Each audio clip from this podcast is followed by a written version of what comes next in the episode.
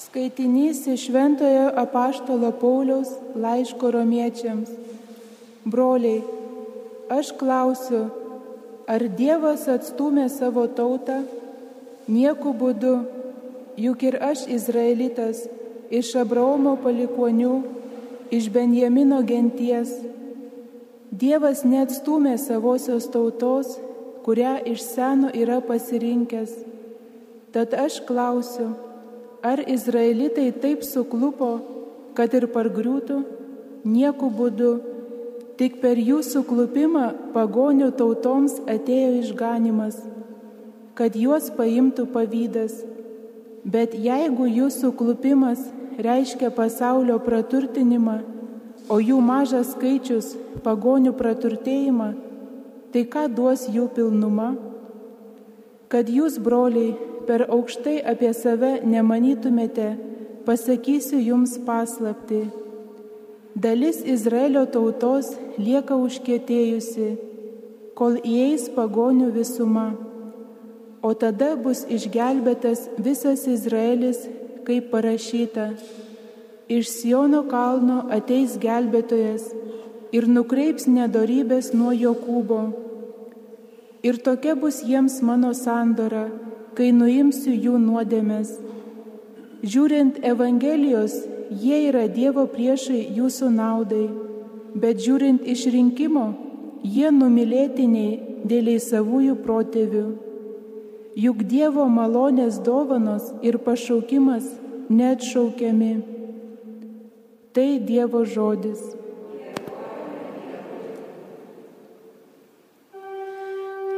Viešpat savo tautos tikrai nepaniekins.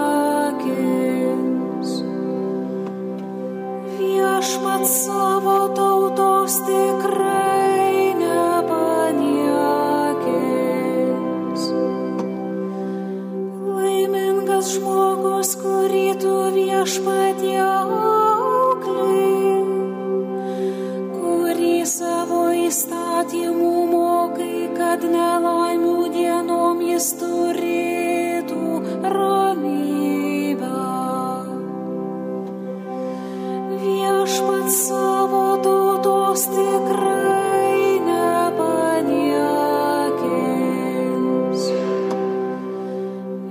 Viešpat savo tautos tikrai nepaniekins.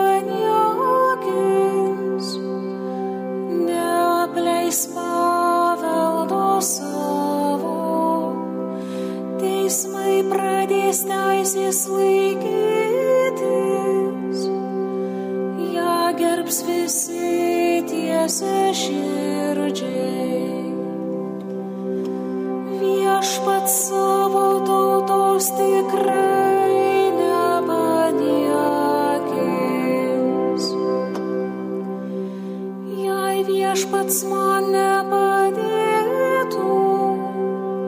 tuoj atsidurčiau tylos karalijoje,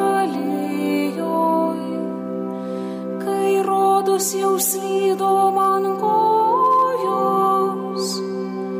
Tavo malonė mane viešpatie rėmė. Viešpat savo tautos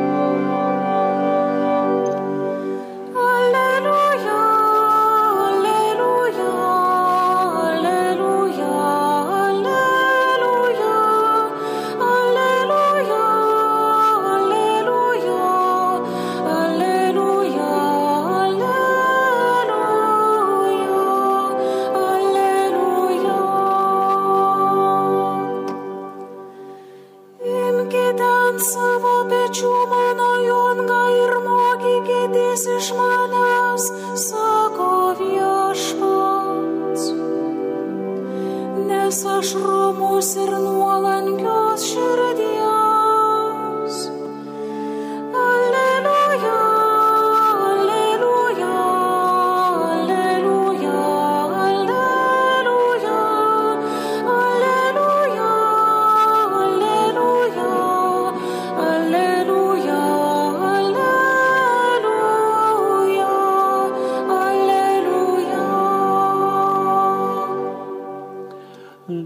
Viešpat su jomis. Ir su tavimi. Pasiklausykite Šventojios Evangelijos pagal Luką. Garbė tau viešpatie. Kartą šeštadienį Jėzus atėjo į vieno fariziejų vyresniojo namus valgyti. Matydamas, kaip svečiai rinkosi pirmasias vietas prie stalo, jis pasakė jiems palyginimą. Kai tave pakvies į vestuves, nesisėsk pirmoje vietoje, kad kartais nebūtų pakviesta garbingesnio už tave. Ir atėjęs tas, kuris tave ir jį kvietė, netartų tau užleisk jam vietą. Tuo metu tu sugėdintas turėtum sėstis į paskutinęją vietą. Kai būsi pakviestas, verčiau eik ir sėskis paskutinėje vietoje. Tai atėjęs šeimininkas tau pasakys, bičiuli, pasislink aukščiau tada tau bus garbė prieš visus svečius. Kiekvienas, kuris save aukština, bus pažemintas, o kuris save žemina, bus išaukštintas. Girdėjote viešpatie žodį. Šlovė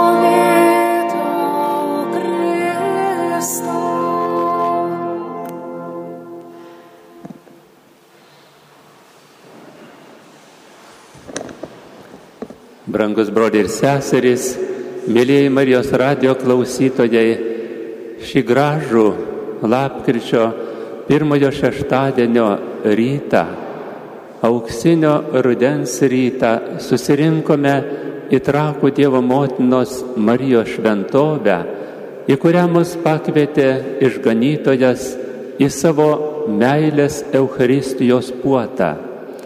Ir visi susirinkome su nuolankia, mylinčia širdimi, trokšdami pašlovinti dangaus ir žemės viešpatį už visas jo geradarybės, kurias mes gauname kiekvieną gyvenimo akimirką.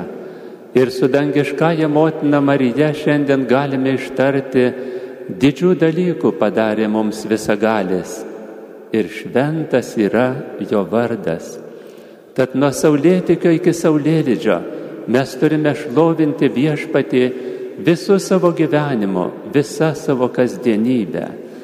O žvelgiant Evangelijos mintimis, mums šiandien viešpats parodo tikrąjį nusižeminimo ir nuolankumo kelią. Pasaulis šiandien serga puikybės lyga. Todėl mums labai svarbu neužsikrėsti puikybės bacilomis, bet žvelgti į dangiškąją motiną Mariją, į jos nuolankų tarnavimą ir mokykitės iš jos, nes ji nuolanki ir ištikima viešpatės tarnaitė. Jeigu pažvelgsime į patį išganytoją Jėzų Kristų, jis tarsi apiplėšė save, tapdamas viskuo į mus panašus, išskyrus nuodėmę, jis nusižemino, tapdamas klusnus iki mirties, iki kryžiaus mirties. Dar daugiau, matome, jis plauna paštalams kojas, jis trokšta nuolankiai įvykdyti dangaus tėvo valią, dėl ko jisai yra siūstas į žemę. Dangiškasis tėvas ją siuntė čia į pasaulį, kad kiekvienas, kuris įtiki, nepražūtų, bet turėtų amžinai gyvenimą. Todėl viešpats pakvietęs mus šiandien į šitą meilės puotą, trokšta pamokyti tikrojo nuolankumo kelio. Šiuo nuolankumo keliu ėjo daugelis šventųjų. Ypatingai mus žavi kūdikėlio Jėzaus teresėlės kelias. Kaip tik šiais metais ir minime 150 metų sukakti ir žvelgdami į kūdikėlio Jėzaus teresėlę, kurios relikvijos lankėsi mūsų Lietuvoje, mes labai ją pamilome. Ir iš tiesų tai svarbiausias kelias, kuriuo jie ėjo. Tai mažasis tobulybės kelias, kuriuo ir mes turime eiti. Ir kūdikėlių Jėzaus teresėlė norėjo būti visiškai nežinoma ir nematoma. Jis sako, aš norėčiau būti tuo smėlio grūdeliu, kurį visi mindžioja. Aš norėčiau būti tuo svėdinuku, kurį vaikai mėto ir daužo, spardo, o kartais priglaudžia prie širdies.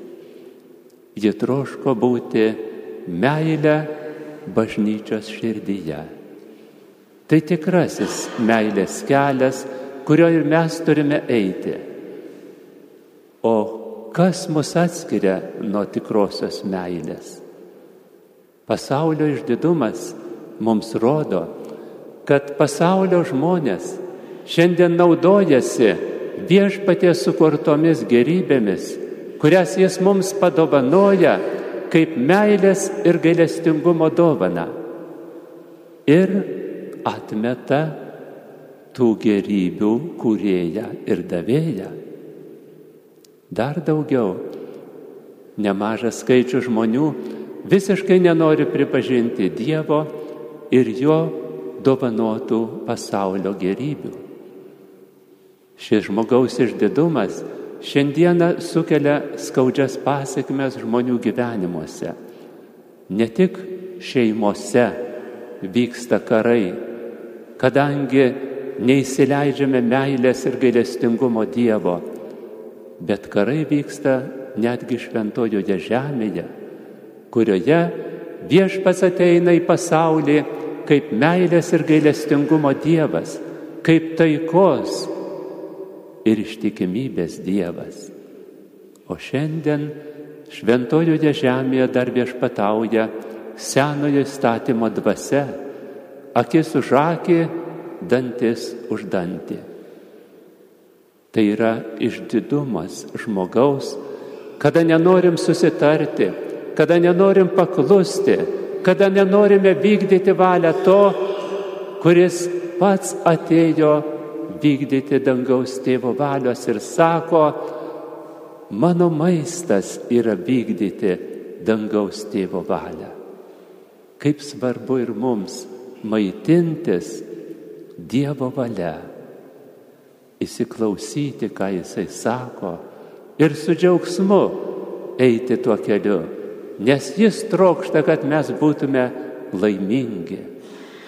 Žvelgime į pasaulį, kuris praranda Dievą ir jis tada praranda meilę. Nes apaštalas Jonas sako, Dievas yra meilė. Ir kas pasilieka meilėje, tas pasilieka Dieve ir Dievas pasilieka jame. O jeigu prarandame meilę, prarandame Dievą, prarandame ramybę, sugyvenimą ir tikrai gyvenimo džiaugsmą, dėl kurio ir atėjo Jėzus į pasaulį. Jis sako, aš atėjau, kad jūs turėtumėte gyvenimą ir apščiai jo turėtumėte.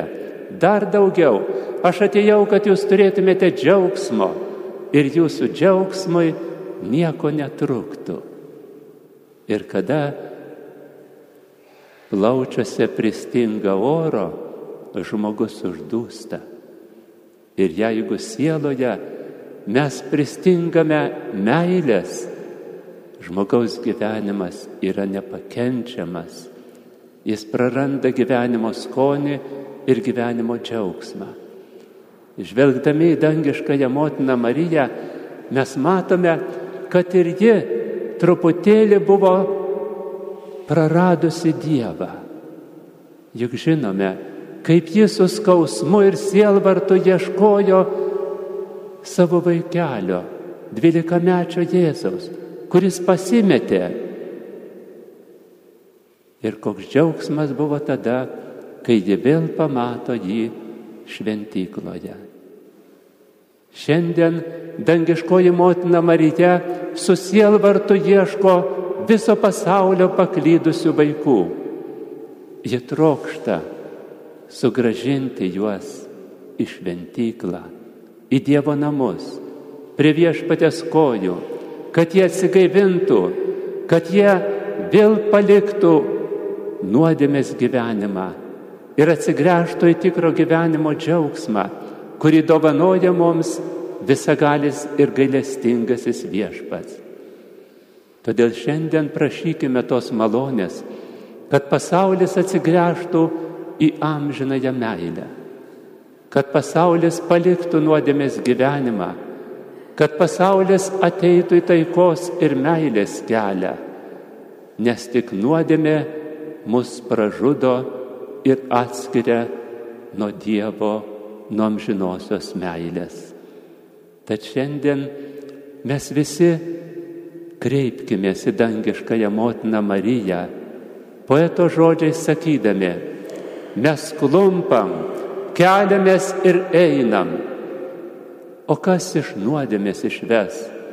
Pailsę kryškeliai sustojam ir tiesiam į tave rankas. O kas ištars paguodos žodį? Kas mums nušvies sielos naktis? Tik tu, Marija, mūsų kelias. Tik tu, vienintelė viltis.